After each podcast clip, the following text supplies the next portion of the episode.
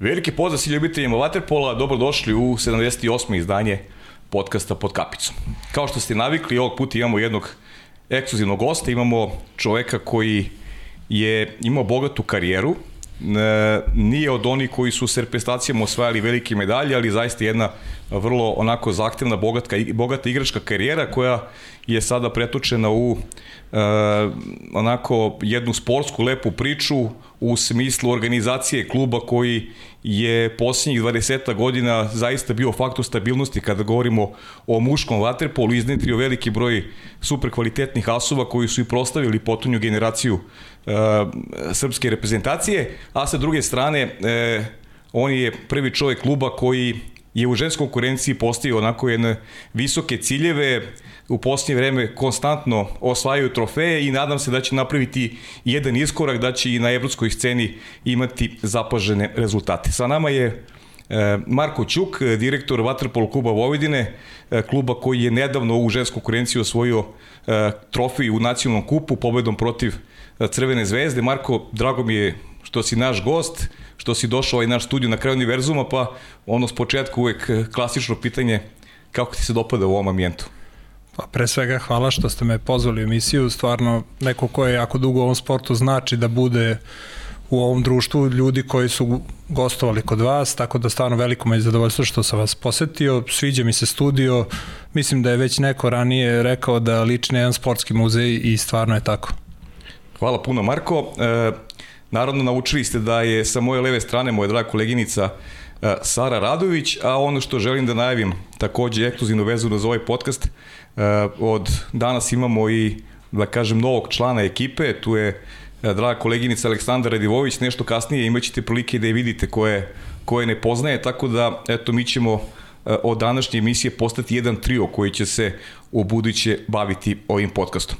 E, toliko za početak, Saro, prepuštam ti sada reč, pa da se posvetimo onome što su aktualne teme, a vezane su naravno za, za Vatrpolo klubu Vojvodina. E, zdravo Pavle i tebi, Zdravo, ja Sara. se radujem ovoj emisiji, imamo puno iznenađenja, puno uh, pitanja. Uh, evo za početak da krenemo od aktuelnosti, uh, vi ste direktor uh, Vaterpolo kluba Vojvodine, pa kako se osjećate u fotelji? Pa dobro, velika je promena od momenta kada sam izašao iz bazena i što kaže okačio kapicu o klin, potpuno druge dužnosti, druge obaveze, neki drugi problemi koji kao igrač nisi ni znao da postoje, ali eto kažem, već tri godine, tri i po godine je prošlo, mislim da nekako se nosim sa celom situacijom i svaki dan je neka, neka nova škola, neko novo iskustvo, tako da kažem, čovek se uči dok je živ. Marko, ajde da se postavimo o, o, ovom, ovom uspehu posljednjem. Ovaj lepi trofej koji si doneo, krasi vaše, vaše vitrine. Ja moram ovako i da vas pohvalim kao, kao klub, s obzirom da sam imao priliku da razgovaram sa devojkama i znam koliko su zadovoljne u klubu i, i koliko osjećaju i pripadnost i, i uživaju u vaterpolu. Pa ajde malo da nam, da nam opišeš eto, taj, taj posljednji trofej, e, tačnije turnir, kada ste osvojili kup pobjeda protiv Crvene zvezde i to onako prilično, prilično ubedljivo i onda ćemo kasnije pričamo o tome kako se rodila ideja uopšte da, da negde ženski vaterpolo klub u suštini i promoviše Vojvodinu, iako je Vojvodina, ono sam rekao i na početku, zaista bila faktor stabilnosti godinama unazad, mnogo poznatih igrača koji su nosili dres, tačnije kapicu reprezentacije. Mogu da kažem na početku da smo stvarno svi u klubu, uprave kluba i kompletan kompletno sportsko društvo je izuzetno ovaj, ponosni na naš ženski sastav koji je doneo klubu prva tri velika trofeja u seniorskoj konkurenciji. O, mi smo samo sa ovim trofejem potvrdili e, kvalitet od prošle godine, imali smo par izmena u samom sastavu, međutim stvarno je utakmica finala koja se igrala neposredno pred muško finale bila uh, svojevrstan spektakl. Žao mi je samo što nije bila i nije bio prenos te utakmice na nacionalnoj televiziji, ali svi ljudi koji su bili na bazenu Milan Gale Moškatirović su videli stvarno fenomenalnu atmosferu, bilo je i navijača, bilo je roditelja, rodbine, vrlo, vrlo atraktivna, da kažem, utakmica sa dosta duela, dinamična i stvarno jedan svojevrstan sportski spektakl. Uh -huh. E, koliko, koliko, Marko, vraćamo se ponovno na Tunis, sam je nešto prošlo kroz glavu, koliko uspeh koji, koji pravite u poslije vreme utiče na članstvo kada govorimo o, o, o, o, o devojkama i e, da li si u tom pogledu zadovoljan e, činjenicom da, da, da ima sve više devojčica koji žele da se bave vaterpolom? To je onako jedna tema koja bi u principu trebalo da se posveti dosta više vremena i jednostavno morali, moralo bi se raditi malo više na popularizaciji ženskog uh mhm. -huh. vaterpola. Mislim da postoji jedan jaz kod roditelja devojčica kada hoće da upišu na početku karijere na sport, da odmah tu ide predrasto da je to izuzetno grup sport i da, da nije za devojčicu, tako da u, u samom startu prilikom upisa imamo problem ovaj, da objasnimo da je to u stvari jedan lep kolektivni sport, uh mhm. -huh. da nije toliko grup kao i kod muškaraca, tako da eto to je neki prvi korak gde, gde u stvari mi moramo malo da ih ubedimo da, da treba da se priključe, priključe klubu i onda nekako godinama unazad, ajde da kažem, taj projekat ženskog vaterpola u Novom Sadu je počeo pre nekih 10 godina. Na na ideju tadašnje uprave i sadašnjeg trenera Slađane Drezgić oformila se grupa od nekih 20-ak, 30-ak devojčica i velika većina njih i dan danas predstavlja glavne igrače u seniorskom sastavu. E, uvek je nekako problem pronaći prostor gde će devojke da treniraju, odvojiti te neke uvek termine, staze, uvek je tu neka borba i da kažem da smo eto recimo u poslednje 3-4 godine konačno pronašli taj neki neophodan prostor gde one mogu normalno da se razvijaju i da obavljaju svoje treninge. Uh -huh.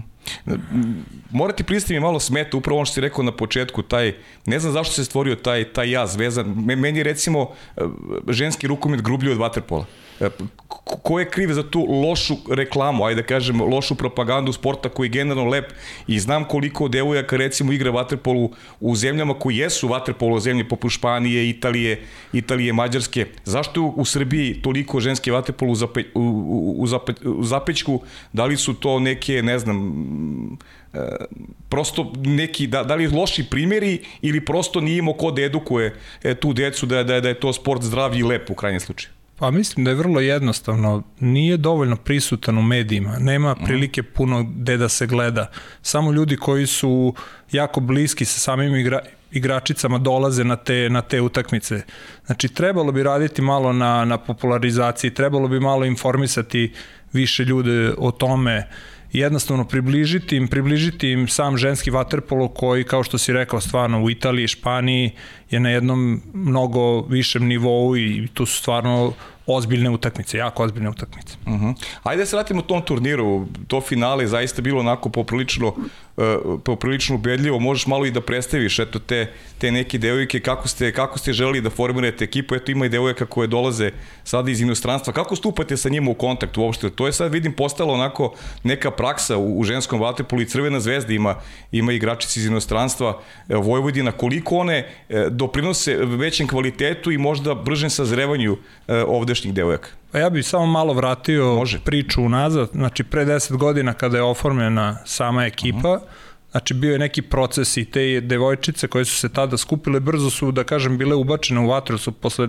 samo nekih 8-9 meseci treninga bile poslate na prvi, prvi turnir i prvo takmičenje. Druga stvar, kod devojčice jako teško može da se pravi e, selekcija po godištima iz razloga što ih nema dovoljno i onda mora da se sklapa od 2, 3, 4 godišta selekcija, selekcija koja će da igra. Međutim, ja to kažem, u, unazad ti godina izneli su tu priču i one su postale prvotimke. Prvi neki pokušaj da se uradi nešto više bilo, ako me seća nevera u sezoni 15-16 gde su dovedene e, Nada Mandić, e, Jelena Vuković i Ana uh mhm. -huh. Prica gde je isto tada pokušano da se Vojvodina domogne prvog nekog trofeja. Mislim da smo u toj sezoni izgubili jednu ili dve utakmice i nismo uspeli da ostvarimo taj neki cilj.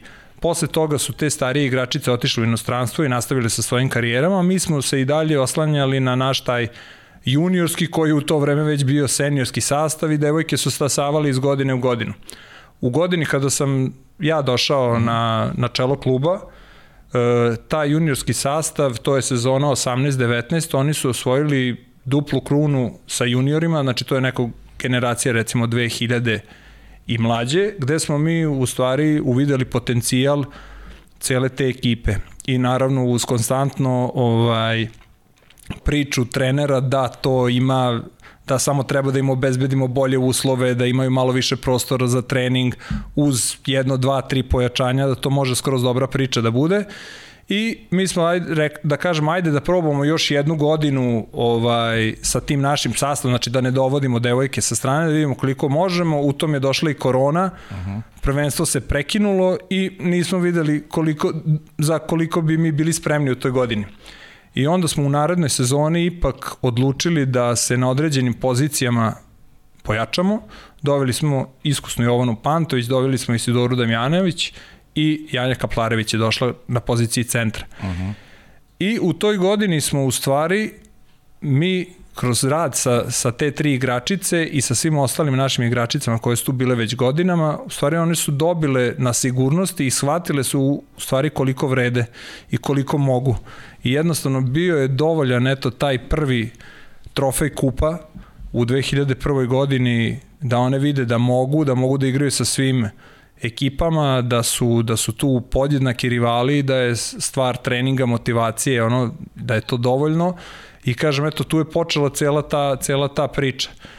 U odnosu na prethodnu sezonu, eto, napravili smo, napravili smo ma, malu promenu, doveli smo, doveli smo dve igračice iz Rusije, to je trener ovaj, vršio ovaj, uh mhm. -huh. observaciju uh -huh. terena i gde, gde koga može da, da dovede i ovo je eto na njenu na njeno insistiranje i da kažem su igračice i došle a e, devojka iz Brazila, nju smo doveli u prvoj sezoni na polusezoni, ne bili proširili, ajde da kažem, klupu, ona se dobro uklopila sa ostalim igračicama, evo tu je već drugu godinu. Uh -huh, super. E, ajmo da čujemo jedno, jedno video pitanje. Vanja, ajde, kad smo već pričali o, o igračicama, da imamo priliku da čujemo jedno. A, dobar dan, imam pitanje za Marka Čuka. Koji mu je omiljeni trofej VK Vojvodina? Lepo. Omiljeni trofej da pozdrav za, za, za Amlijevu, da. naučio sam. pa obzirom da ih, da ih nije da ih nije bilo sad previše, da. Ovaj možda onaj prvi, to je onako prvi, gde, da. gde, gde smo najviše najviše strepeli, ovaj da li ćemo moći ili nećemo moći. Znači taj prvi trofej kupa. A kako si zadovoljan devojkama koje su koje su došle Vidim da su se lepo uklopile u, u, u celu da, priču. I... Irina je naučila i da. srpski gotovo perfektno da priča. ovaj, jako su se lepo uklopile, a s druge strane igrački su izuzetno kvalitetne. Mislim da ovaj donose neku neku novu notu u igri u igri Vojvodine da nameću ritam mm. da su čak ja to sad ne znam koliko je lepo reći ali mislim da da čak u nekim situacijama razmišljaju kao kao muški igrači Aha. što je izuzetan ovaj plus uh mhm. -huh. U igri i radne su disciplinovane su kažem ne prave nikakve probleme, što je mhm. jako bitno i kažem, uklopili se u celu priču. A kaži mi, sad su pripreme su za, za kvalifikacije za evropsko prvenstvo u Splitu. Koliko ima devojaka iz Vojvodine u, u, u reprezentaciji? U sastavu će sada biti tri. Tri, aha. Nikolina Travar, uh -huh. uh, biće Lola Avdić i Ane, Anja Švec. Uh mhm. -huh.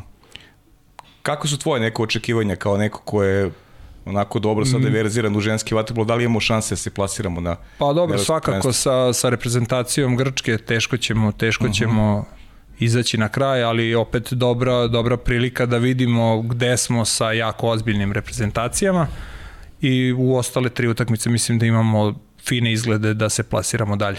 Uh mhm. -huh. Kaži Marko šta se dešava sa, ajde da, da još malo prozborimo sa Vojvodinom, znam da će i Aleksandar posle kad uđe ovaj biti još pitanje vezano za, za žensku sekciju.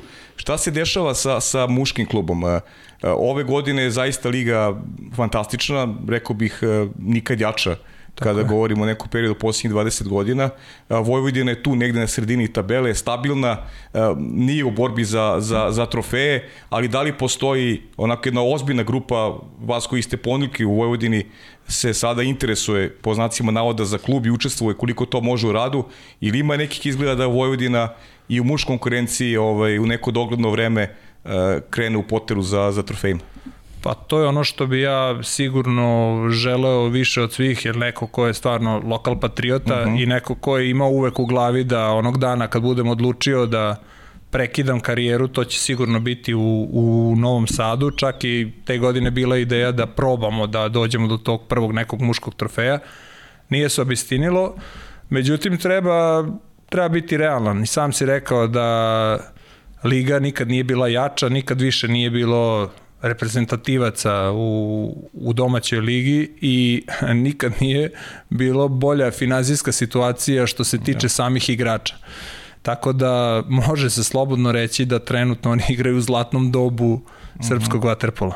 Mm -hmm. e, kažem, teško da sad u, ne, u nekom skorijem periodu naredna, ne znam, sezona 2, 3, mi tu tražimo neku svoju šansu za, za titulu, trudit ćemo se maksimalno da budemo što konkurentniji, ali kažem opet neke stvari ipak e, diktiraju i financije i neka druga organizacija, tako da uh -huh. za sada smo tu gde smo, e, imamo da kažem određenih e, poteškoća u organizaciji samih mlađih selekcija, ono što si rekao, bili smo motor i pokretač prethodnih 20 godina, u poslednjih par godina to baš nije tako.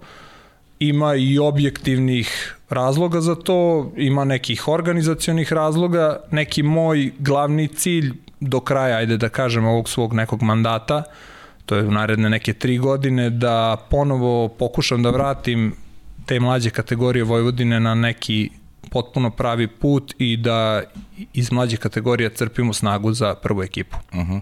A kaže mi kad je ženski klub u pitanju, to sam zaboravio, uh, da li je izlazak na međunarodnu scenu realan u neko dogledno vreme, jer mislim da bi to zaista onda bio jedan, jedan pravi, pravi iskorak i, i možda magnet da, da, da se ovaj, i neke druge devojčice počnu da se bave sportom. Mi kao klub e, igramo poslednje tri ili četiri uh mhm. -huh. godine Dunav ligu. Uh -huh. To mhm. je recimo Pandam regionalnoj ligi, s tim uh mhm. -huh. što učestvuju ekipe iz Hrvatske, Mađarske, Rumunije i Srbije i ove godine ima gostujuća ekipa Velike Britanije uh -huh. koja učestvuje na tom. U prethodnim nekim godinama mi smo bili dosta, da kažem, slabiji i od hrvatskih ekipa i od uh, mađarskih sa rumunskim smo tu mogli da igramo, kažem, bili smo slabi i od Zvezde i od Palilule koje je prethodnih uh mhm. -huh. godina.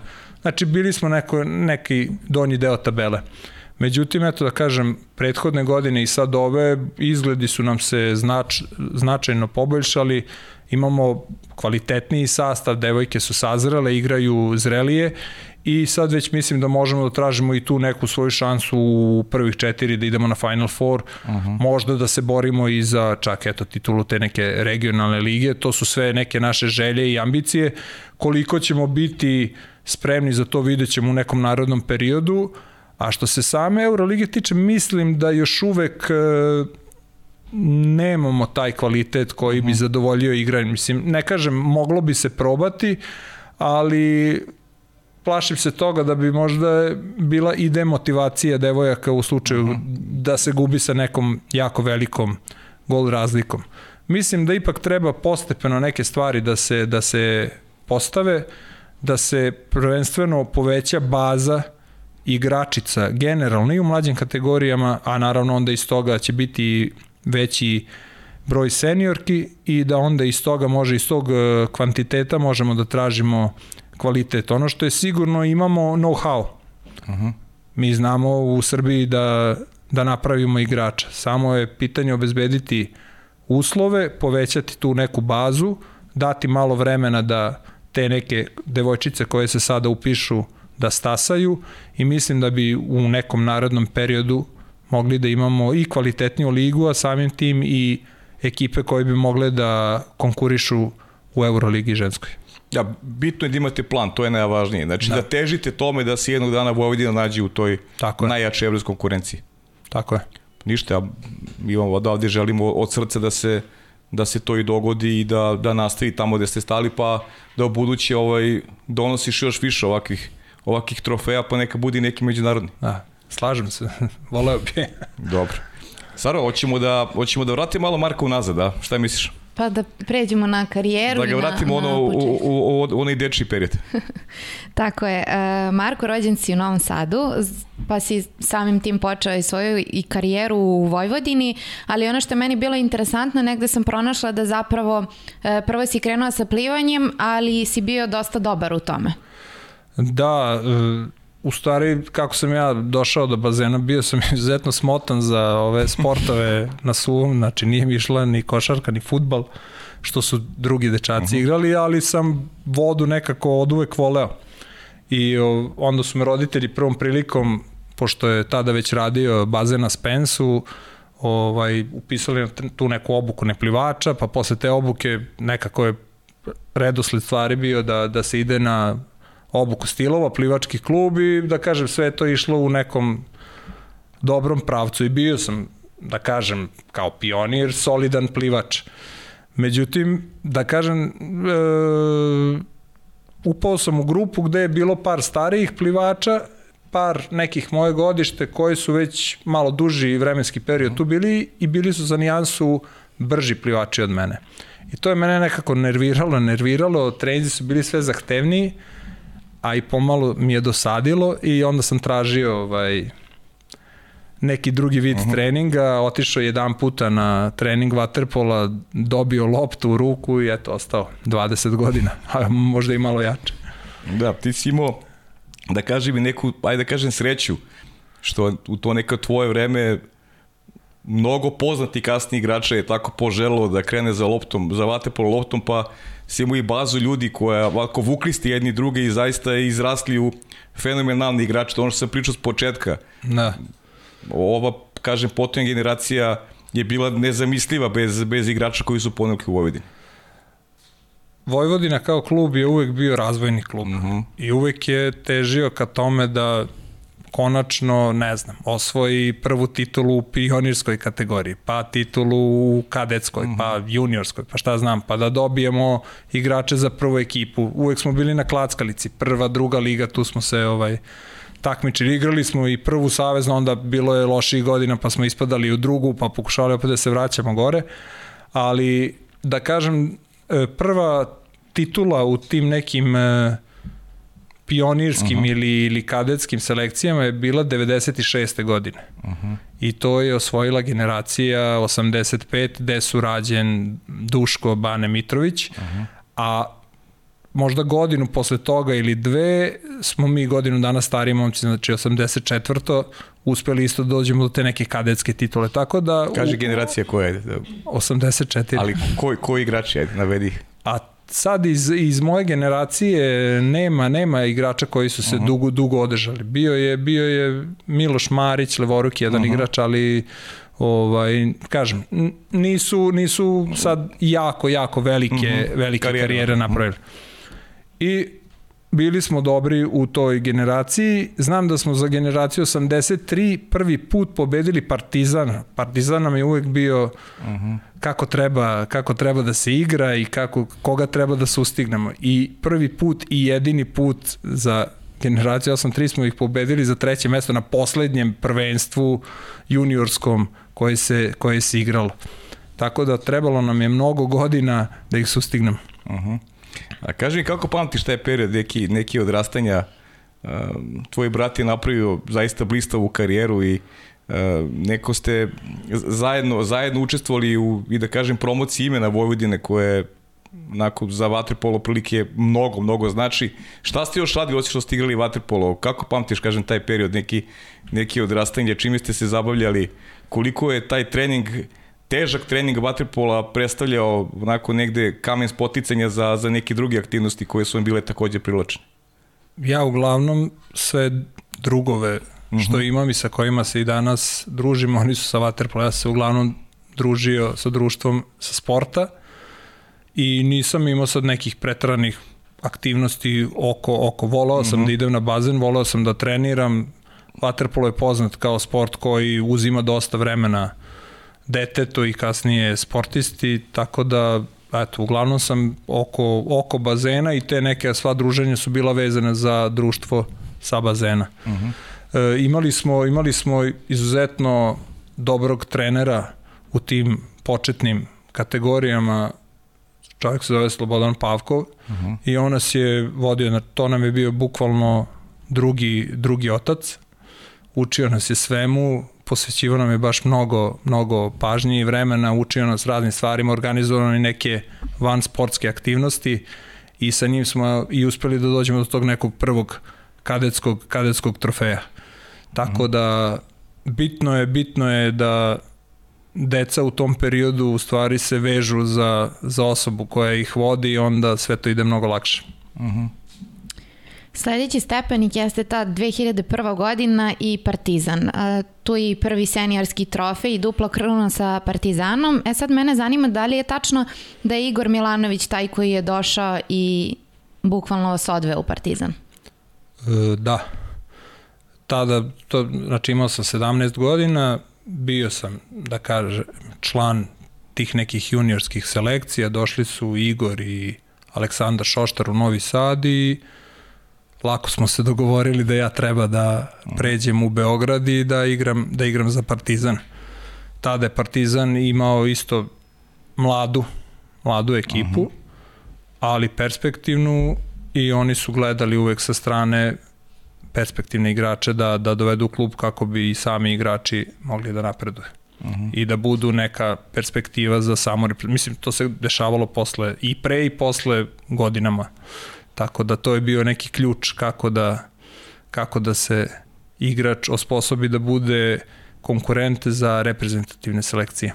Uh -huh. A tačno da, da je postojala je ponuda Bečeja, da si mogao da odeš i u, i u drugom pravcu? Uh, Nije, a? tada je Bečej bio izuzetno, to je, to je poslednja godina kada su bili izuzetno, izuzetno jaki i bila je mladost. Uporedo su bili uh -huh. i mhm. Bečej i mladost. Mislim da je bila neka ponuda iz mladosti, ali jednostavno to nije iz bilo. Mladosti, aha. Da, da.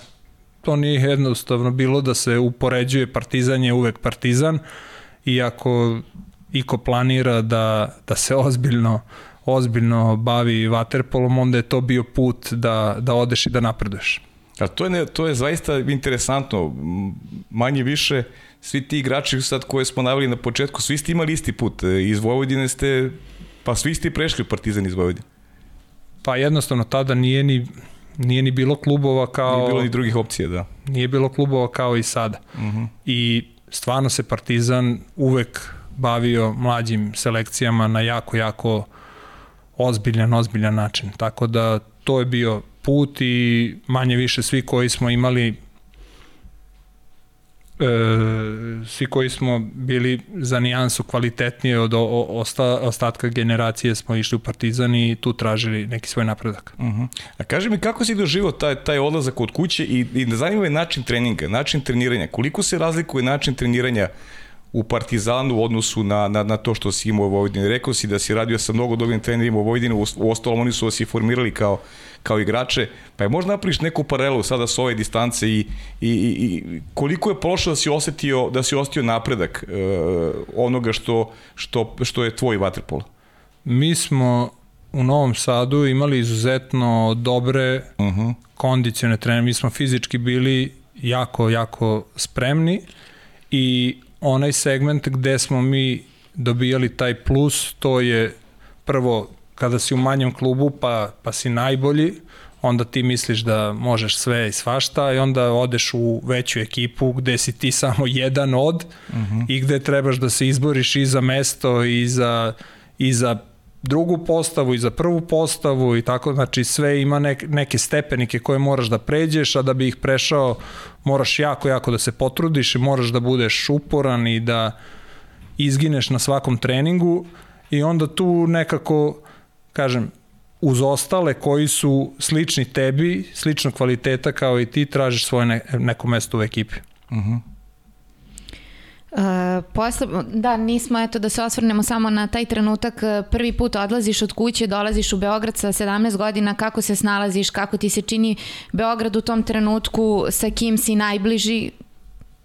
Pa veli, velika, velika promena, 17 godina sad ne mogu da kažem da sam bio nešto puno zreo, e, te godine, a znao sam obzirom da je te godine dosta mlada ekipa Partizana bila, znao sam skoro sve, ne skoro, mm. nego znao sam sve momke koji su već tu igrali, bili smo i godinama, po godinama blizu, bio je Vanja, bio je Boba Nikić, mhm. -huh. Đole Filipović, od, od ovih malo starijih Mladen Manojlović, Kuljača je bio golman, dobro, on mi je da. bio mnogo stariji od mene. Kolega sad. Kolega, da. E, ovaj, tako da svi su me oni tu dobro primili, vodili su me, pokazivali, tako da uz njih sam ovaj, savladao Beograd. Uh -huh. Da. Kaži? Da, sled, pa odmah bih prešla na Italiju. Pa jedino da se, os, da se osvrne malo na, na te trofeje koje si osvojio. Da, dupla kruna Ver... sa Partizanom. Da, tad, da 2001. desilo se odmah, uh -huh. naravno ne zato što, što sam ja došao u Partizan, nego jednostavno pogodilo se da te, uh -huh. te godine stvarno smo igrali, igrali dobro i išli smo nekom uzlaznom putanjom i osvojili smo duplu krunu. I u, u kupu smo pobedili Bečej, U Nišu je bilo finale kupa, a u prvenstvu smo Jadran Herceg Novi. I stvarno ve, jako sam ponosan na, na ta dva trofeja. Stvarno je bila jako dobra atmosfera i svi smo tu po, po godinama bili blizu i svi smo bili ponosni. Nekako nam je svima to došlo kao prvi, prvi, veliki, prvi veliki trofej. U svakom slučaju veliki motiv za dalje. Uh mhm. -huh. E, tako je. E, zanima me dakle dolazi ponuda za Italiju i da li razmišljaš e, da li je to dobra odluka, e, ipak si u Partizanu, e, treba da se odvojiš, ideš mnogo dalje i od svojih i od porodice i od prijatelja, pa eto taj trenutak tvoje odluke i, i sama ponuda koja je došla. Bio sam pet sezona u, u Beogradu s tim što sam imao jednu sezonu koju sam bukvalno preskočio na kraju 2003. imao sam određenih zdravstvenih problema gde sam napravio veliku pauzu i trebalo mi skoro godinu dana uopšte da se vratim u bilo, u bilo kakvu formu. I na kraju te pete sezone imao sam i dalje opciju da, da ostanem u Partizanu, ali jednostavno smatrao sam da ponuda iz Italije, tada je u Ortiđi igrao Pele Zimonjić i on mm -hmm. me i pozvao i rekao da bi voleo da dođem da budem uz njega i uz Mihajla Koroliju kao mhm. -huh. treći stranac i jednostavno mislim da, da u tom momentu je taj neki finansijski, finansijski moment i presudio da ipak odem iz uh, države i da krenem taj put inostranstva. Uh -huh. E, pre nego što Sara nastavi o, ovaj deo, zaboravio sam, posjećam Aleksandra, e, treba nam drugo pitanje vezano za Vojvodinu. Ćao Saro, ćao Pajo, pozdrav za sve gledalce pozdrav za Kumaru. Jedno pitanje samo ako može da otkrije kako su devojke dobile premiju posle osvajanja novog poslednje kupa. Toliko od mene. uhvatio, uhvatio, me, uhvatio me nespremnog. Ovaj, obećao sam stvarno da, da će dobiti instant premiju, međutim još nisam, još nisam ispunio, ali sad definitivno ću morati u, u najkraćem mogućem roku. Dakle, devojke, zahvalite se Borisu Vapenskom, premija će biti uskoro. Biće. Dobro. Ništa, vraćamo se u Italiju. Ajmo sad da, da, napravimo digresiju. Život u Italiji nas zanima. I waterpolo, ka, kako se snalaziš tamo? Da, pa potpuno, potpuno je velika je promena u stvari iz jednog uh, sistema koji je ovde uvek bio, znači znalo se tačno ko šta i kada, i kada radi i kako radi i šta se sme i šta se ne sme, ide se u potpuno neki drugi sistem gde se od stranca očekuje samo da postigne određeni broj golova, a ne pitaju te mnogo šta, šta i kako. E, ne kažem, ja jesam postizao golove, ali nisam sad neki jako vrsni, vrsni strelac, davao sam neke golove, tamo sam znači, morao da se probijem i da kažem da sam se u Italiji delimično, delimično snašao. E, igrali smo te godine Ortiđa nije uspela da ostvari opstanak, opstanak u ligi i samim tim nije ni bilo ovaj šanse da se da se ostane da se ostane tamo. Tako da mhm. sam morao da tražim dalje svoj put. A kako bilo u Italiji? Ko, s, kim si, s kim si delio bazen u to vreme u Ortiđi? Podsjeti me na, na, na taj period e, tvoj provedeno u italijanskom klubu. Pa od italijanskih, sada da kažem malo poznatijih, uh mhm. -huh. bio je Napolitano. A, centar, aha. Da, da, uh -huh. da. Mhm. Napolitano je bio tamo, a Pele i Mihajlo Pele, su da. igrali već Klasika, da. i od ranije, da. Uh -huh. Tako da s njima sam najviše provodio, provodio vreme. Ono šta je bila barijera za mene, nisam, nisam jezik naučio, mnogo uh -huh. sam se družio sa Mihajlom i onda ovaj, nisam usvojio, nisam usvojio brzo, tako da to je možda jedan od problema što se nisam održao. Treba si sa peletom više, br da, nauči bi jezik. Da. E, nakon te Italije odlaziš u Španiju i tamo ostaješ pet godina i osvajaš i kup kralja i ako se ne varam i finale Len kupa. Uh, pa i sam si istakao u više navrata da, da je tih pet godina u Španiji možda i najlepših pet godina svoje karijere. Jeste, kogod me pita da se odlučim, čak i da me pitaju sad gde bi živeo, a da nije Novi Sad, sigurno bi to bila Španija. Uh mhm. -huh. Nekako sam se tamo i pronašao sa ljudima, ljudi su me prihvatili.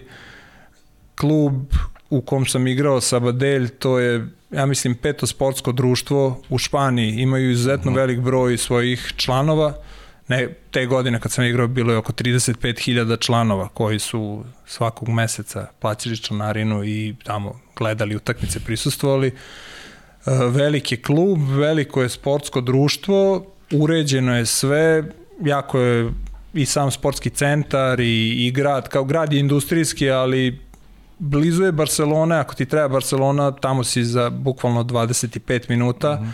A za sve ove neke normalne dnevne potrebe to si mogao da završavaš i u svom gradu, tako da jedno lepo mesto, uređeno mesto, puno parkova, puno šetališta, ima šta i da se vidi, tako da i ja i porodica smo uživali tamo.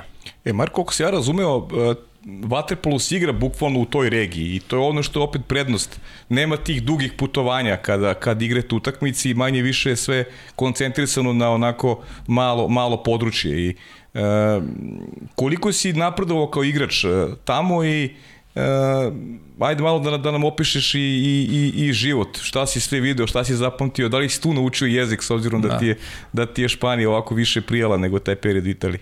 Tu sam otišao na nagovor Slobodana Sora koji je već bio uh mhm. -huh. tamo, prethod, jednu sezonu pre mene I on me je bukvalno tamo doveo, doveo kao igrača desne strane, što nije uopšte Aha. moja prirodna da, da. strana, da. jer jednostavno leva strana je bila popunjena i kao ajde dođi, možeš ti i desno da igraš, nema veze, bit će dobro i stvarno prvu godinu sam tamo igrao na toj desnoj strani, snašao se ok, treneri su bili zadovoljni i počelo je to sve, sve kako treba.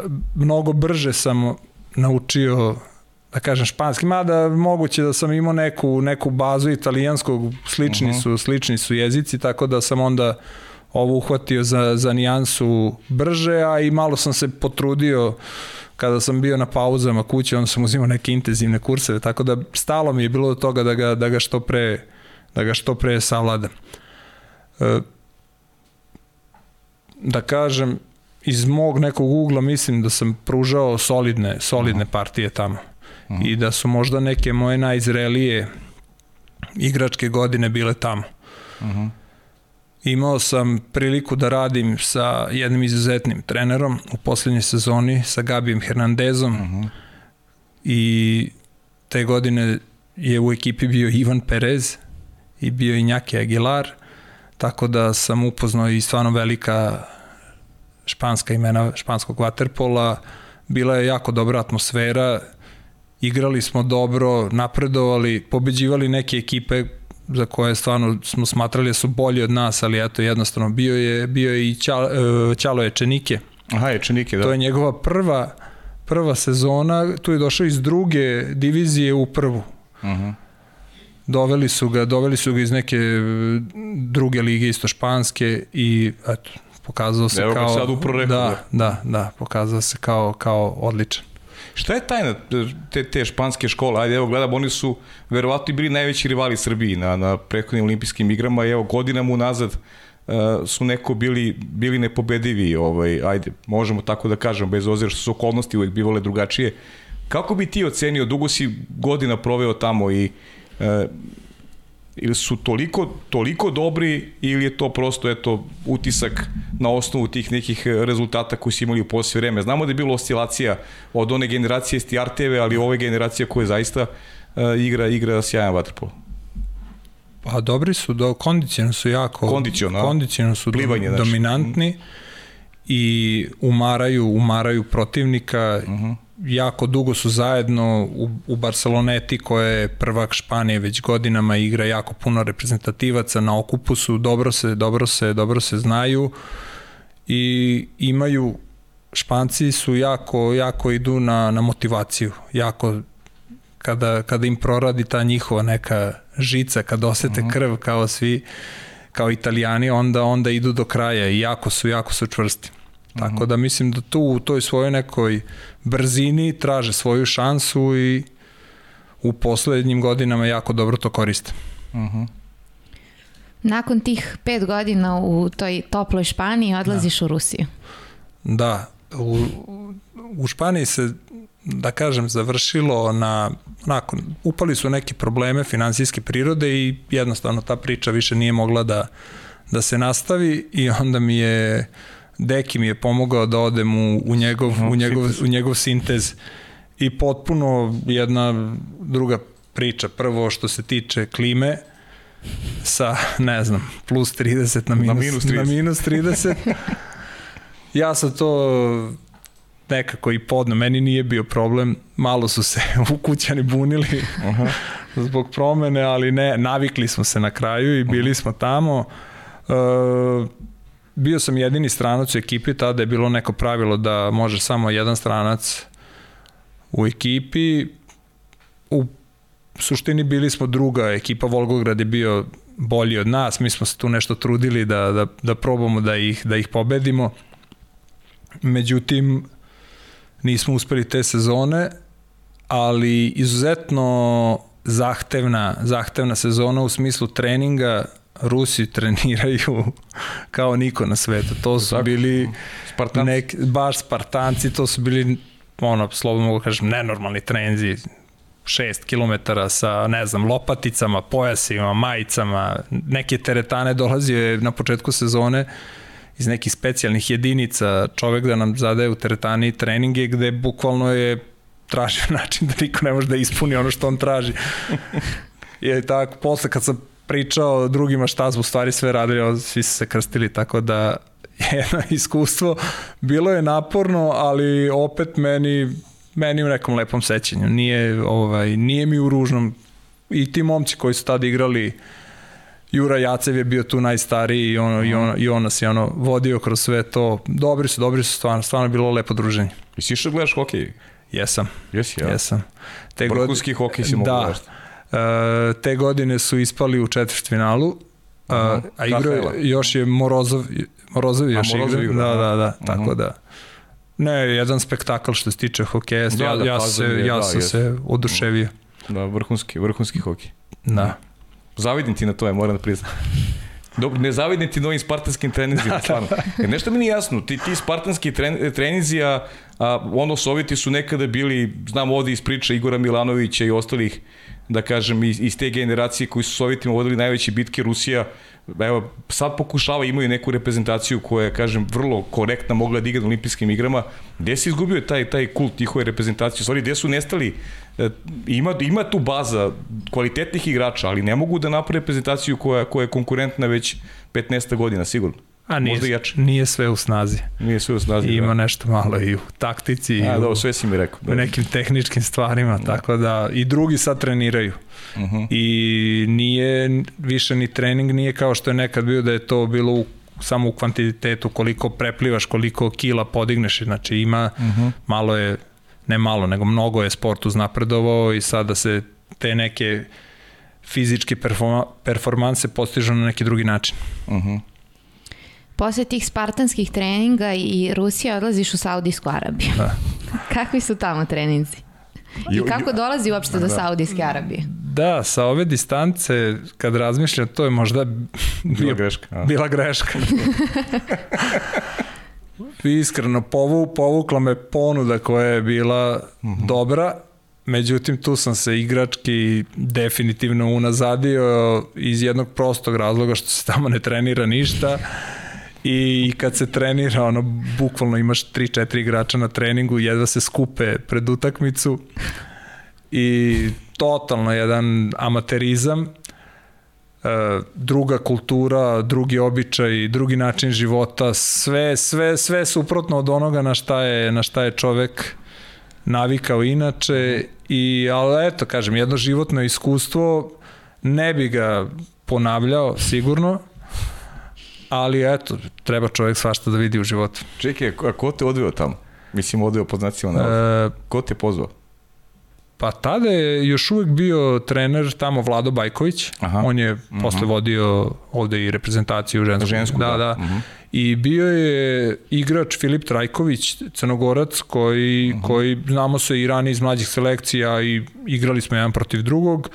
I da kažem, godine pre nego što sam ja došao, to je tamo sa te neke finansijske strane bilo stvarno, stvarno okej. Okay. Uh -huh. I onda povučen tom nekom njegovom pričom, ajde dođi ovde, ok, budeš malo tamo, budeš malo kući, mesec i po dana u Arabiji, mesec i po dana kući i tako, krenuo video i sad mogu da kažem, pogrešio. pogrešio, da. Da, pa mislim, nećete pitati za život ošte, pošto manje više znamo ovaj, da se sve manje više svodi i na, i na treninge, da je to što si rekao, drugačija kultura, nema tu nešto mnogo mnogo ovaj da kažem nekih izleta ili ili nema, nekih dešavanja nema, bazena. Nema ničega. Nema ničega, da. Ne znaš zašto ustaješ i posle ne znaš zašto ležeš. I jedini izlazak je do tržnog centra i to ako nije molitva u tom momentu, jer onda kad je molitva onda se sve ovaj prekida i zatvara. Mhm. Uh -huh. Imali smo, imali smo tamo, upoznali smo, pošto je to ja mislim možda i najveće sportsko društvo taj Itihad nešto. -huh. kao Partizan ili Zvezda ovde mhm. -huh. i sve se sve se vrti oko oko fudbala. I te godine tamo trener golmana bio Veli, Velibor Pudar koga. -huh. smo upoznali i sa njim su se lepo družili ovaj, i dan danas smo u kontaktu. Da, on je bivši golman Hajduka, tako? Da, e, ne, u Most, u, da. Veleži iz Mostara. Veleži, Veleži, da, da, moguće. Da Hajduka. Da. da. E, nakon toga Malta. E sad, o Malti su nam mnogi pričali o toj letnjoj e, ligi, pa ajde da čujemo e, tvoj lični doživljaj te Malte. Ti si na Maltu išao u više navrata, a jednom si čak otišao i kao trener. Da. Maltu sam prvi put otišao 2006. godine pre Italije. Uh mhm. -huh.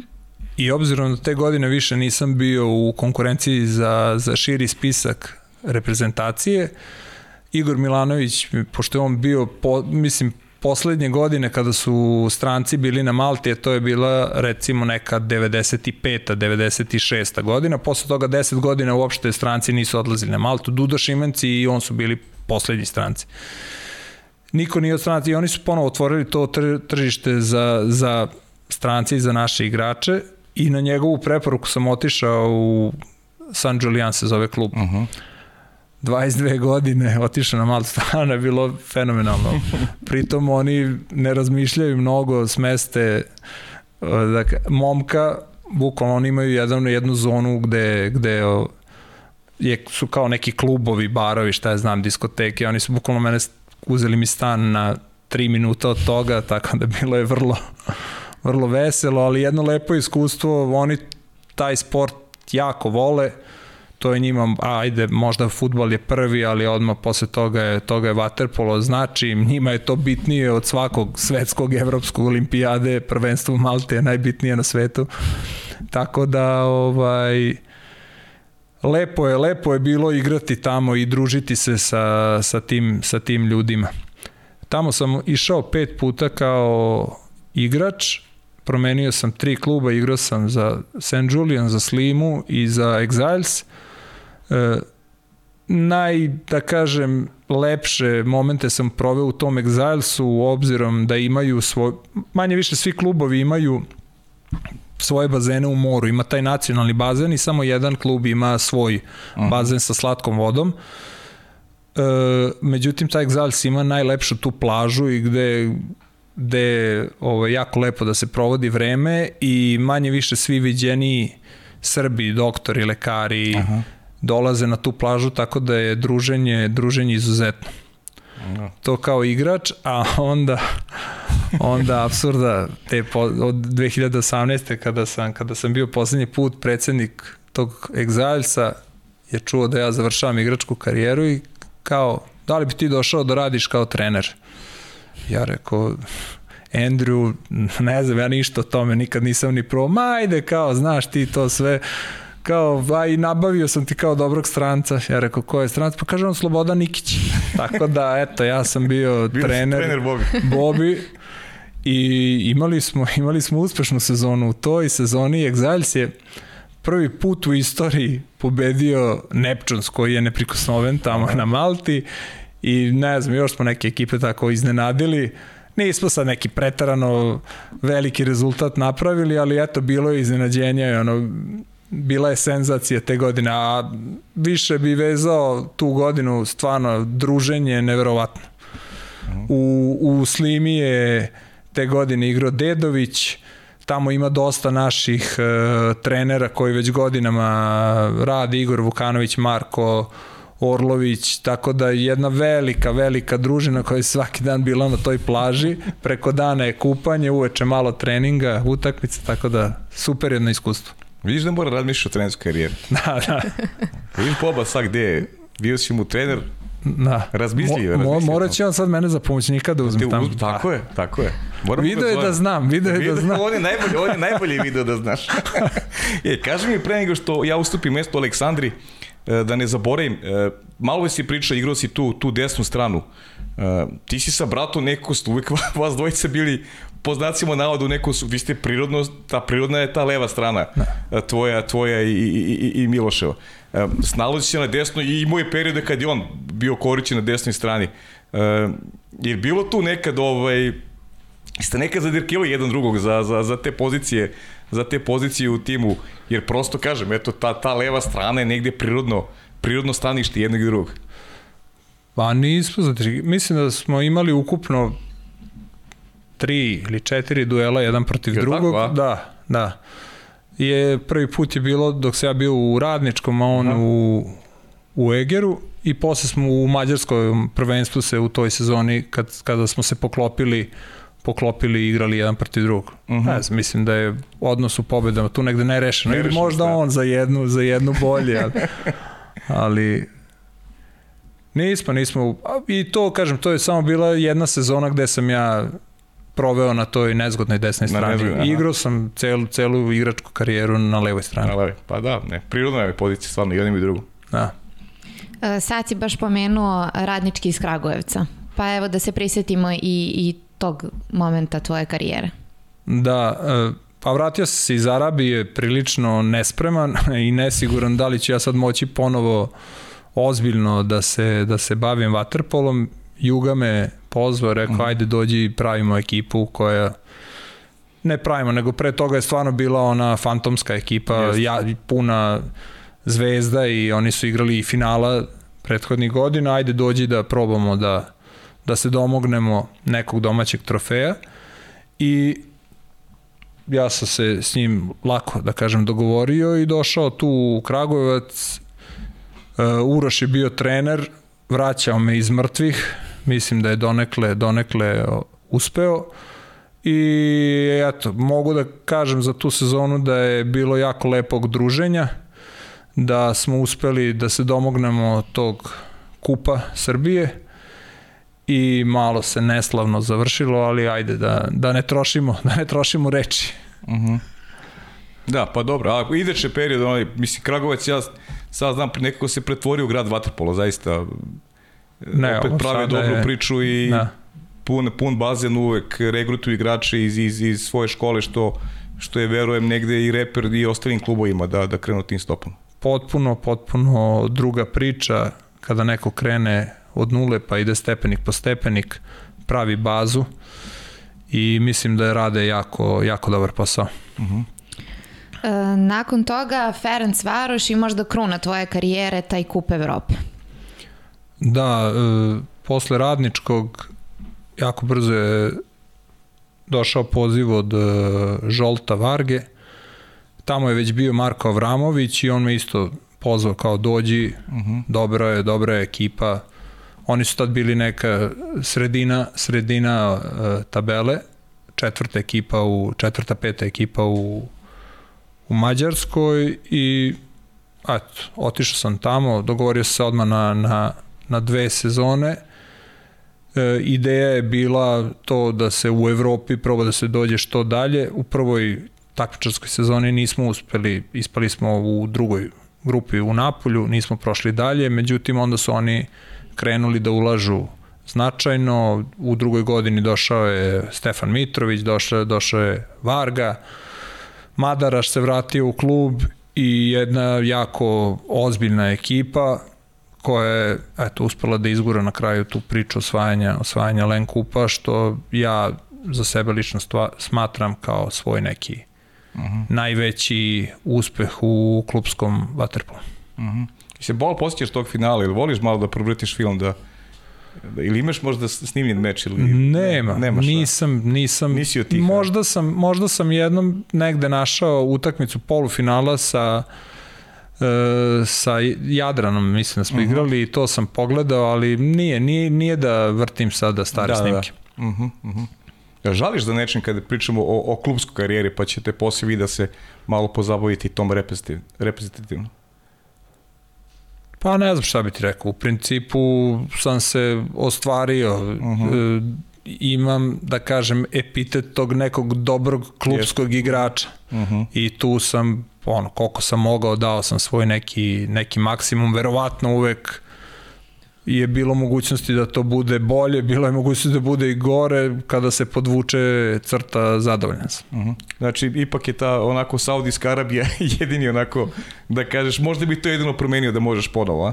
Da, a mislim da, sa, da sam tu sebi skratio igračku karijeru sigurno Aha. za sezonu ili dve. Uh mhm. -huh. E, nekako mi je puno trebalo vremena i da, da se vratim. A ostao si ispod radara, realno, da.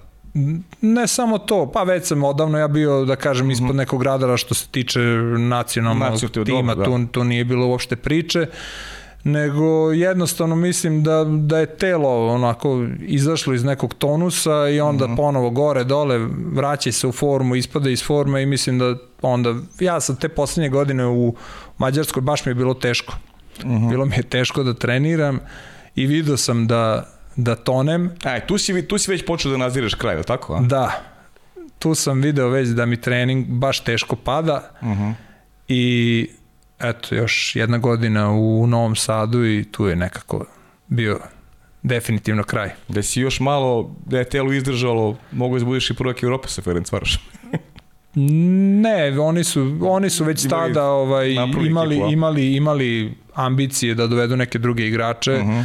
i stvarno je Žolt bio jako fair prema meni, on je došao u, u januaru mesecu i rekao mi je Marko mi bi pričali sa nekim drugim igračima kao se ne ljutiš a što bi se mislim ti praviš ekipu tvoja ekipa uh mhm. -huh Naravno da se ne ljutim, pritom to su, to su bili ovi momci kasnije što su došli jakša i šta da, stvarno, mm. koji su bili u da, naponu jakša, snage da. i oni su imali najviše ciljeve što su kasnije i ostvarili. Mm -hmm.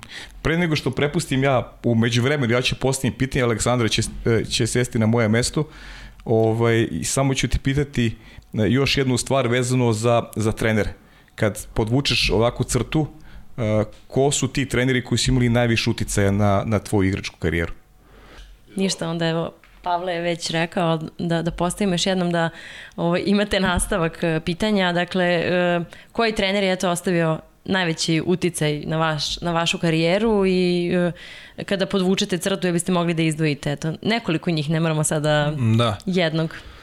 Pa eto, ponovo bih rekao u onim, da, onim prvim početnim stadijima treniranja to je sigurno Slobodan Pavkov, Kasnije radio sam sa Nenadom Vasilovskim, sa Dejanom Udovičićem, Gabija Hernandeza sam spomenuo, da je bila izuzetno lepa saradnja u, u Španiji i eto i sa Žolt Vargom sam imao jako, jako lepu saradnju. Slučajno ako neko preslučim da, da se ne urede, ali mislim da, eto, da. radio sam i pri reprezentativnim selekcijama sa, sa Nenadom Manojlovićem, tako To su sve ljudi koji, koji su me naučili ovo što, što znam o Waterpolu. Da. Ja bih samo iskoristila kratku priliku, pošto je ovo, ovo, ovo je moje prve, prvo učešće u ovom podcastu, bilo je, mi je potrebno, to je to dolevala sam 77 epizoda, pa su me nekako slomili Sara i Pavle za ovu 78. I mnogo mi je drago što je e, sa vama upravo jedna od važnih tema taj ženski sport generalno, ali uh, ključno ovo za, za ženski vaterpolo i nekako bih se uh, ne baš tako spontano vratila na, na tu temu. Spomenuli ste još na početku da je taj završni turnir kupa bio onako pravi spektakl i da vam je žao što nije bilo prenosa na televiziji, nijednoj. E, da li mislite, naravno da bi mediji svakako doprineli popularnosti bilo kog ženskog sporta, u ovom slučaju vaterpola, ali da li mislite i za koga smatrate da treba da radi na tom zajedničkom putu popularizacije ženskog vaterpola? Da li je to samo do klubova vaših kolega sportskih direktora u drugim klubovima, da li Savez i koliko Savez treba da eto, napravi možda neki prvi korak i koliko je na nama medijima na kraju? Svakako da svi koji imaju dodira sa ženskim vaterpolom i generalno sa ženskim sportom trebali bi da daju svoj određeni doprinos tome da, da sam ženski sport uznapreduje u ovom slučaju vaterpolo, ali i Vaterpolo Savez kao krovna krovna organizacija, mislim da bi mogao da da još jedan dodatni napor da učini da se čitava ta priča oko ženskog vaterpola još više zavrti u medijima i da, nap, da se naprave određene kampanje gde bi se devojčice i roditelji motivisali da dovedu ih na bazen, da one počnu da, da, da se bave jednim lepim sportom sa loptom, tako da sve ukupno svi akteri ženskog vaterpola moraju da, da načine još jedan dodatni korak kako bi sve to dobilo jednu novu notu. Da, mi stalno um, pokrećemo tu temu jednakosti ženskog i muškog sporta i da prosto granica maksimuma možda nije ista kod jednih i kod drugih, ali da i žene i muškarci daju cele sebe da, da, da ostvare vrhunske rezultate. I sad, ako govorimo o jednakosti uh, učesnika uh, na utakmicama i treninzima, uh, da li možemo i da li je pravi put da govorimo i to jednakosti uslova rada svih onih koji su oko ekipe? Dakle, mislim i na trenere, i na uh, sportske direktore, i na sve one one koji pomažu tim devojkama ili momcima da, da budu što bolji. Naravno. Treba... Ima li toga u ženskom vaterpolu? Jesu li, jesmo li na dobrom putu da izjednačimo te uslove? Pa mislim da da. Mislim da kvalitetni ljudi rade kako sa, sa muškim vaterpolistima, tako i sa ženama, da u tom pogledu imaju adekvatno, ade, adekvatnog uh, trenera i adekvatnu osobu koja ih uči ovom sportu.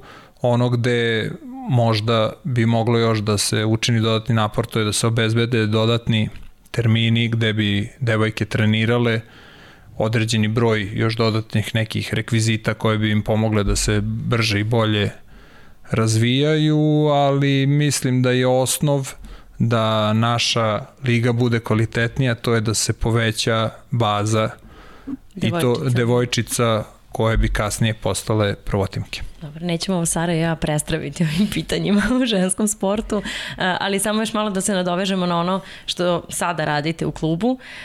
To je ta, dakle, možda, možda malo manje dinamični deo od, onog, od one igračke karijere, regulativa, bavljanje takmičenjem, svim onim što podrazumeva da je potrebno i, i momcima i devojkama za učešće u svim takmičenjima i spomenuli smo taj nastup na nekoj međunarodnoj sceni, odnosno Dunav ligu koju, u kojoj nastupate i izlazak na na, evropsku scenu.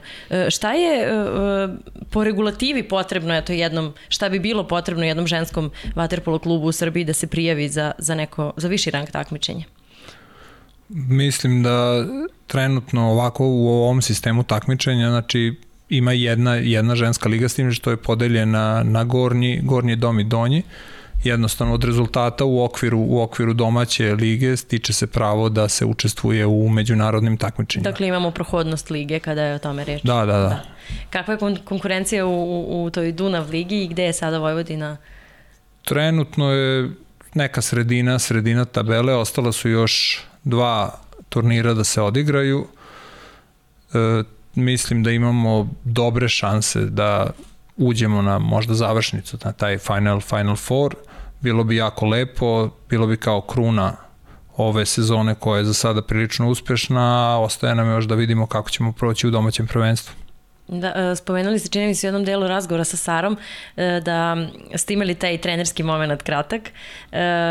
Šta je stresnije, sedeti u fotelji kao sportski direktor ili biti trener? Zavisi od trenutka, od situacije. Ali sve, sve nosi, sve, sve nosi neke svoje mislim, kojim god poslom čovjek da se bavi ima i, jako stresnih momenta, opet ima i onih lepih. Bitno je da, da čovjek ima neki balans i da, da nekako lako prođe kroz sve te i, i lepe, a i one ne tako lepe trenutke.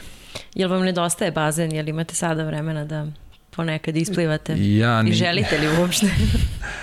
ja nisam baš e, najbolji primer za to. Ja stvarno od kako sam prestao da se bavim aktivno vaterpolom nisam baš puno vremena posvetio nekoj fizičkoj aktivnosti što naravno nije dobro, ali tako je. E, jednostavno ne mogu još e, da ne mogu da idem da se rekreiram na bazenu, nekako imam neki preveliki, preveliki otpor trenutno. Kažem, nije, nije dobar primer, ali, ali tako je. Dobro, spomenuli ste skijanje pre nego što smo počeli uopšte razgovor, kako ide to? Da, pa napredujem i sezone u sezonu sve sam bolji i bolji. Da. Ovaj, tu sam, tu sam, to mi se sviđa i mislim da ću se u nekom budućem periodu posvetiti tome da, da što više uh, vreme na zimi provedem na planini. Da, ja bih Sara, ako dozvoliš jedno pitanje, Naravno. pa onda da pređemo na pitanje koje su da, nam slali. Imamo i, i dva video pitanja još, tako da... Da, da pustimo, da. da.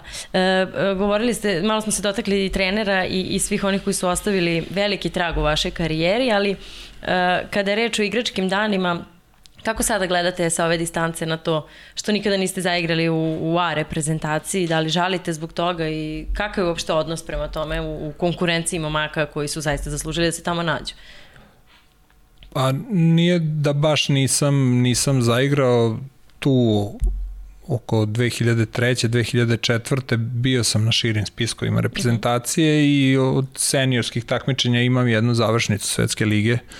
Koja se igrala u Njujorku 2003. godine i posle sam isto je to seniorsko takmičenje učestvo na mediteranskim igrama gde smo bili, gde smo bili treći, ali nekako spomenuo sam da sam imao određenih zdravstvenih problema gde sam jednostavno posle toga imao preveliku pauzu i ispao iz tog nekog uopšte i bio sam ispod radara za, za samu reprezentaciju.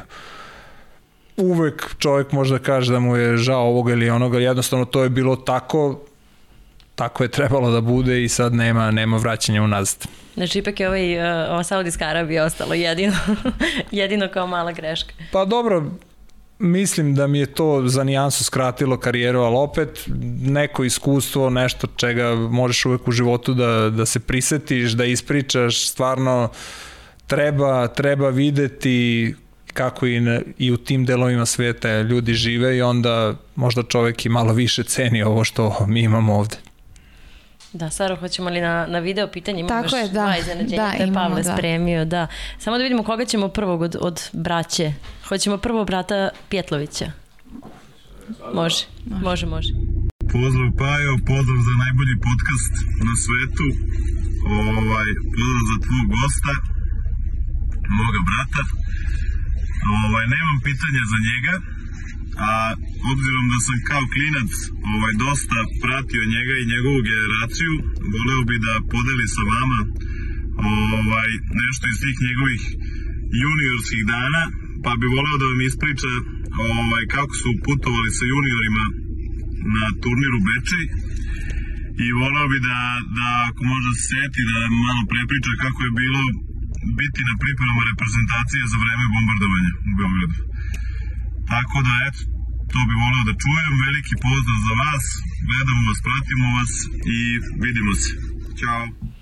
Da, evo, dobro pitanje i posle ćemo čuti još i, i Pjetlovića, malo smo najavili obrnutim redom, ali hajmo prvo ovo sa juniorima. Da, pa obzirom da su bila krizna, krizna vremena i nije bilo baš puno para, sve akcije kluba su finansirali roditelji i nije bila praksa da se tada putuje takmičenja autobusom ili već sad nekim organizovanim prevozom, nego su uglavnom to radili roditelji, 5-6 roditelja se prijavi i vozilo se kolima.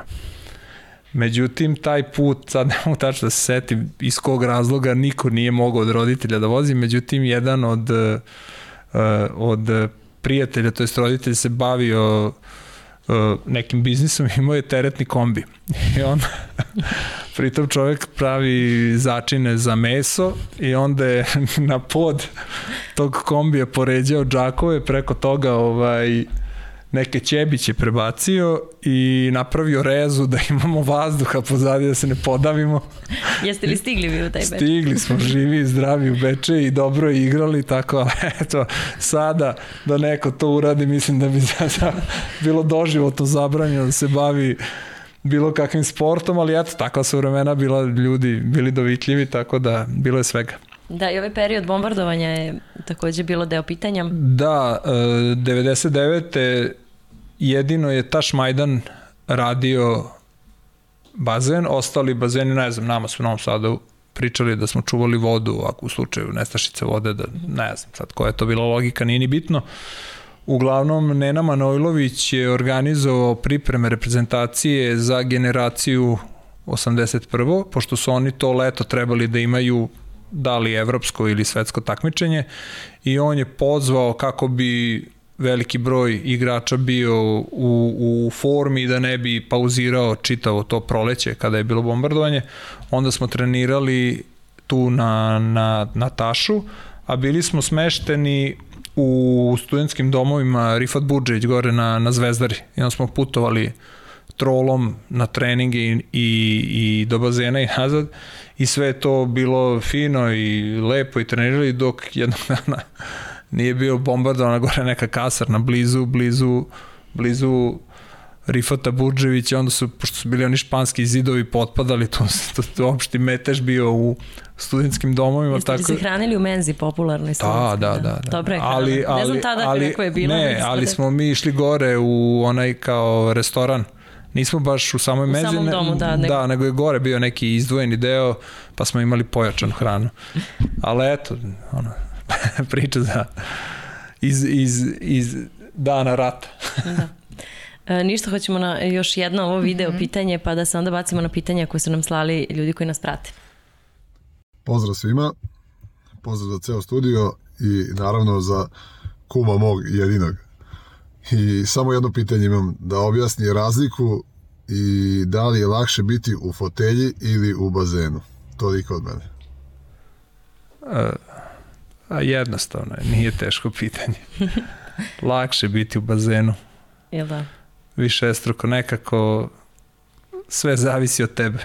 Koliko daš sebe, tako će i biti neki krajni rezultat ovde. Ima i nekih, da kažem, spoljnih faktora na koje mo, može donekle da se utiče ili ne može ili ne može uopšte, ali definitivno mnogo lakše za, za psihu je biti, biti igrač. Koliko misliš da, mislite, sad smo već prešli na ti, negde Slobodno. usput. Koliko misliš da je važno da nekako sportska javnost to stvarno voli, da neko ko je uh, imao ozbiljnu karijeru iza sebe, sada bude na poziciji recimo na kojoj si ti danas, jer ljudi smatraju da takvi ljudi najpre znaju šta je potrebno vrhunskim sportistima da, da postignu uh, vrhunske rezultate. Jel ti misliš da, da je to onako važno i da li je presudno u tome da li će neko biti dobar na toj poziciji kojom se bavi? Pa sigurno da, da je dobro da ljudi koji su se godinama bavili nekim sportom po, po završetku svoje karijere ostanu, ostanu uz taj sport sad na ovaj ili onaj način. Ja moram da kažem da sam u sve ovo ušao jednim delom što, ajde da kažem, ne na nagovor, ali uz neku priču Gojka, Duška, Baneta, Miloša, da, da dođemo u klub i da malo to pokušamo da napravimo za nijansu nešto bolje, a drugi, drugi neki moj uh, motiv malo je bio iz uh, revolta.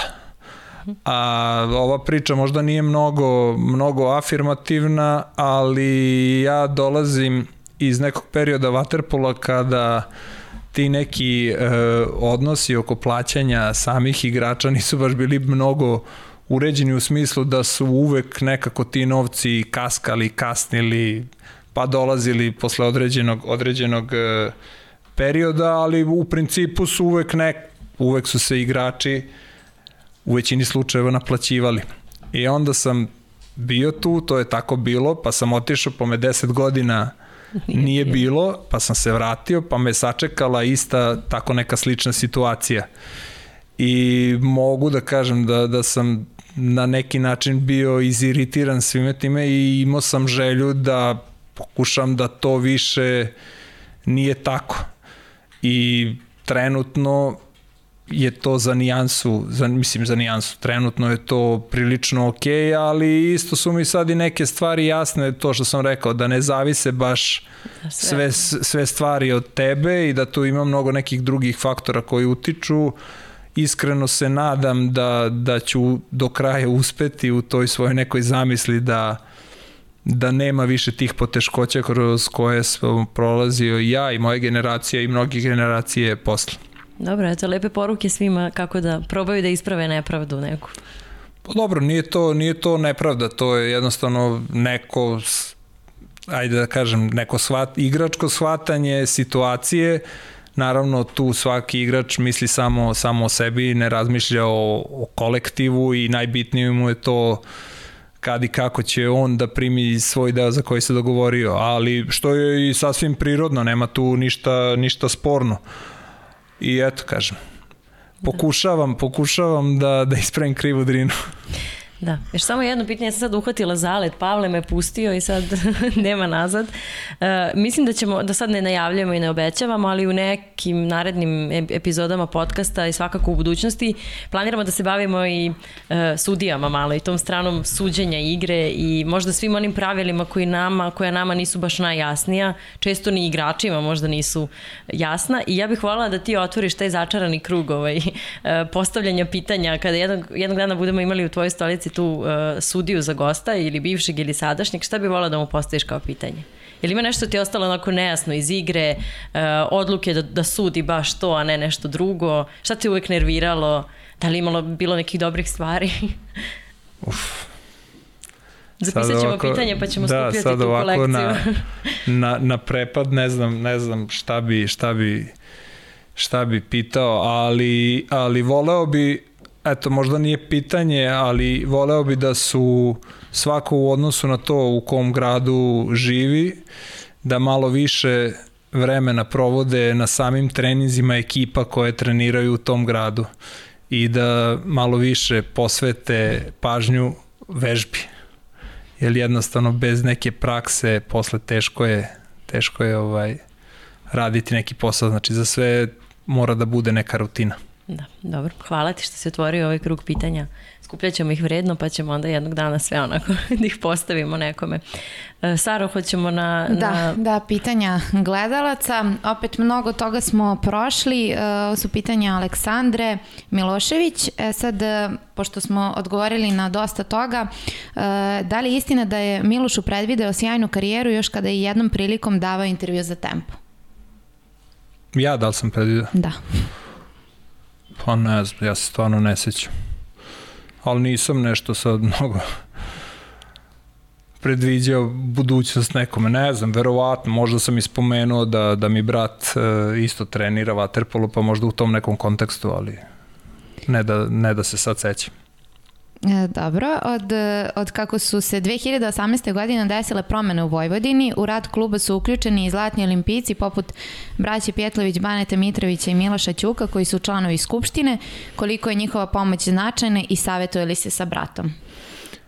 Pa u svakom slučaju oni zbog svojih profesionalnih obaveza u svojim klubovima i dalje ne mogu najaktivnije da učestvuju u radu kluba, ali svakako savjetodavno dosta, dosta pomažu i to nam je onako nekako e, dobar temelj za dalje. E, da li za sebe može da kaže da je sada iskusni voćar ili sebe i dalje smatra početnikom, pomaže li Miloš u voćniku, pošto je u našem podcastu govorio kako sebe u takvom poslu vidi i u budućnosti i nakon završene karijere, a ne kao ekonomistu?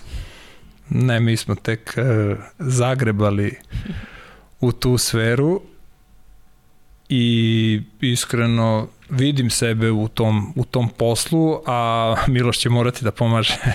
Nema izbora. Nema izbora. Uh, Sandi Mertelj, uh, pozdrav u studiju. Marko, želim još mnogo uspeha u karijeri. Igrali smo jedan protiv drugog u mlađim kategorijama.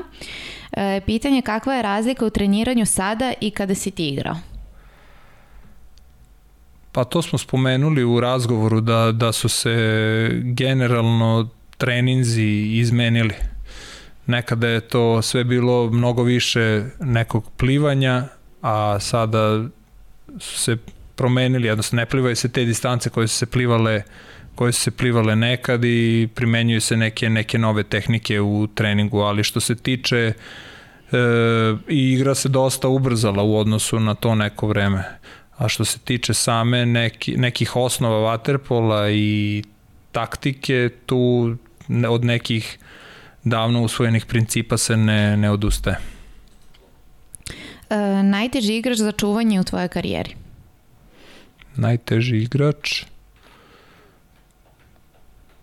Teško mi je, e, bio je jedan italijan, Angelini, on mi je pravio baš puno problema, mi je bio mnogo stariji od mene, mi je bio prgav i težak za sačuvati, a i ovde ne znam, sa, sa Aleksandrom Ćirićem, pošto on igrao tu nezgodnu stranu, zgodno isto jako teško igrati. E, od koga vaterpolisti i trenera si najviše naučio? Malo pre si istakao da, trenere. Da. Kao klinac, pa ne znam, onda smo svi, ono, idoli su bili i Igor Milanović i Dejan Savić. Aca Šapić, šta znam, to su sve ljudi koji su davali jako puno golova i bili jako dobri u svom poslu. E, igrački uzor, to bi onda opet se nadovezalo na, da, da. na ovo. E, najdraži saigrač? Najdraži saigrač? A ništa, eto, bit ću, bit ću politički korektan. Moj kum Gojko. A najnezgodniji golman? najnezgodniji golman? Ponovo moj kum. ne, ne. E, pa recimo da, da Injaki Aguilar u Španiji, on je tada bio po drugim ekipama da nisam baš najbolje prolazio s njim. E, najdraže mesto? I možda Volarević. Uh -huh. Najdraže mesto za opuštanje u Novom Sadu? Najdraže mesto... Pa volim da odem, ima blizu, to jest na Dunavu, restoran Piknik, na otvorenom je, pa eto tu. E, pitanje od Nikola Rađena. E, da napravi paralelu razornog šuta između njega i njegovog rođenog brata. Pa ja nisam imao dobru fintu kao Miloš, ali možda sam imao za nijansu snažniji izbače. Ne znam, nisam nikad razmišljao, ne znam šta bi rekao, šta je razlika. E, takođe pitanje od e, Nikole. E, kada će da mi vrati par stvari koje je uzeo iz mog ormara pre više od 15 godina i omiljenu crnu košaru za potrebe večernjeg izlaska? To, to, je, to je otišlo u, u arhivu. to ne znam više gde, neće ih dobiti nikad. I još jedno njegovo pitanje. Kao direktor kluba, ko je lakši za saradnju, e, ženski ili muški prvi tim?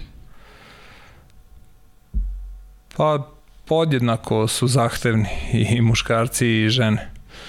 Tako da gledam da izađem u susreti jednima i drugima. Naravno, nekad su, nekad su zahtevi mnogo, mnogo veliki, ali trudim se da, da ispunim sve, sve šta traže od mene. Ne znam da li sam preskočila neko pitanje. Da, evo Pavle nam je malo sugerisao. Imamo, da li je jedan kontakt sa loptom bio dovoljan da se okrene vaterpolom? Mislim da si na to odgovorio na početku. Da. E, I da li je tačno da su treneri iz plivačkog kluba bili ljuti na njegove roditelji i njega zbog te odluke da pređeš sa plivanja na vaterpolo? Pa jesu, jesu. E, zato što u to vreme nije ni bilo ovoliko dece na, na sportu kao, kao, kao sada. Oni su tu videli da imam neku perspektivu i u plivanju i jednostavno nisu mogli da se, da se pomire sa tim da sam eto ja sad otišao iz plivačkog kluba i prešao na vaterpolo, ali eto s godinama mislim da da su i oni svesni da, da je bio dobra, dobar izbor.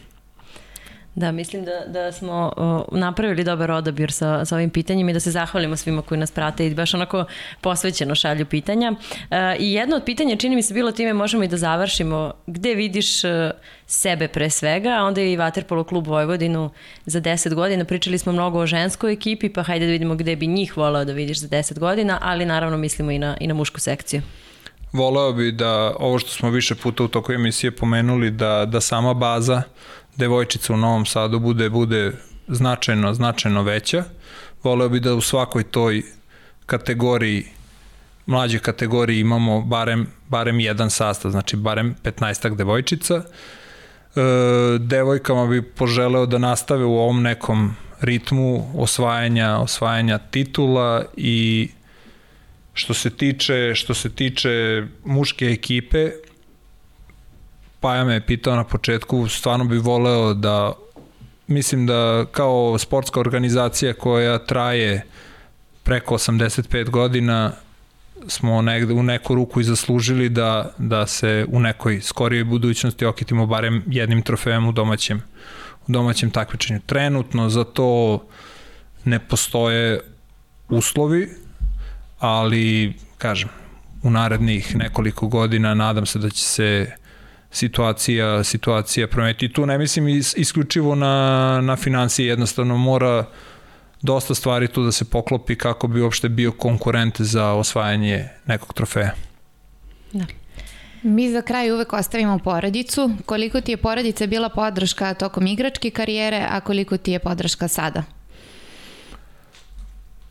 Pa uvek, e, ja sam to već negde i rekao, porodica je osnov svega i podrška svakom pojedincu i svako traži neku svoju unutrašnju snagu unutar unutar svojih najbližih e, supruga i dvoje dece pratili smo me svuda gde sam išao dugo smo, dugo smo i mi zajedno još iz nekih gimnazijskih dana, tako da eto, razumemo se, podržavamo se u svemu što radimo i za sada nam ide lepo. To je definitivno i najbitnije. I evo, da li ima nešto što, što nas troje nismo pitali, a da bi možda želeli da istaknete sad na kraju? Pa ne znam, mislim da smo ovaj, gotovo sva pitanja prošli. Mogu da kažem da mi je bilo izuzetno prijatno i drago mi je što ovaj podcast traje već ovoliko epizoda i svakako smatram da Waterpolo kao jedan od najtrofejnijih sportova zaslužuje ovakvu emisiju.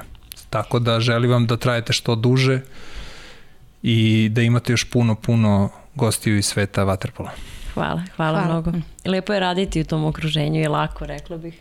Tako da nije ni nama to nešto težak posao. Vaterpolo davno zaslužuje ovako nešto. Pavle, sve zasluge idu njemu za ovu emisiju svakako. Na, mene i Saro je samo okupio. E, hvala mnogo na gostovanju. Hvala što ste meni svi zajedno olakšali ovaj debitanski nastup u vašem podcastu i jedno čekam da nastavimo da se družimo. Hvala što si odgovorio ovako e, posvećeno na sva pitanja koje smo dobili, a bilo ih je stvarno puno i Saro ostaje nam da eto se polako odjavimo da podsjetimo sve da nas prate na Instagramu najpre i da tamo mogu da nam šalju sve što ih zanima. Najavit ćemo tamo i naše, sve naše naredne e, goste i teme kojima bismo voljeli da se bavimo i eto, šaljite sugestije, pitanja, sve što imate i to je to. I meni ostaje da ti se zahvalim, da ti poželim dobrodošlicu, Hvala, da se zahvalim i našoj dragoj Marini koja je došla, ali ne možete da je vidite i Paj naravno, a pratite naš Instagram profil, naredne nedelje nas, naš gost će biti Nemanja Marijan, tako da imaćete priliku da postavljate pitanja, do sledećeg četvrtka srdačan pozdrav!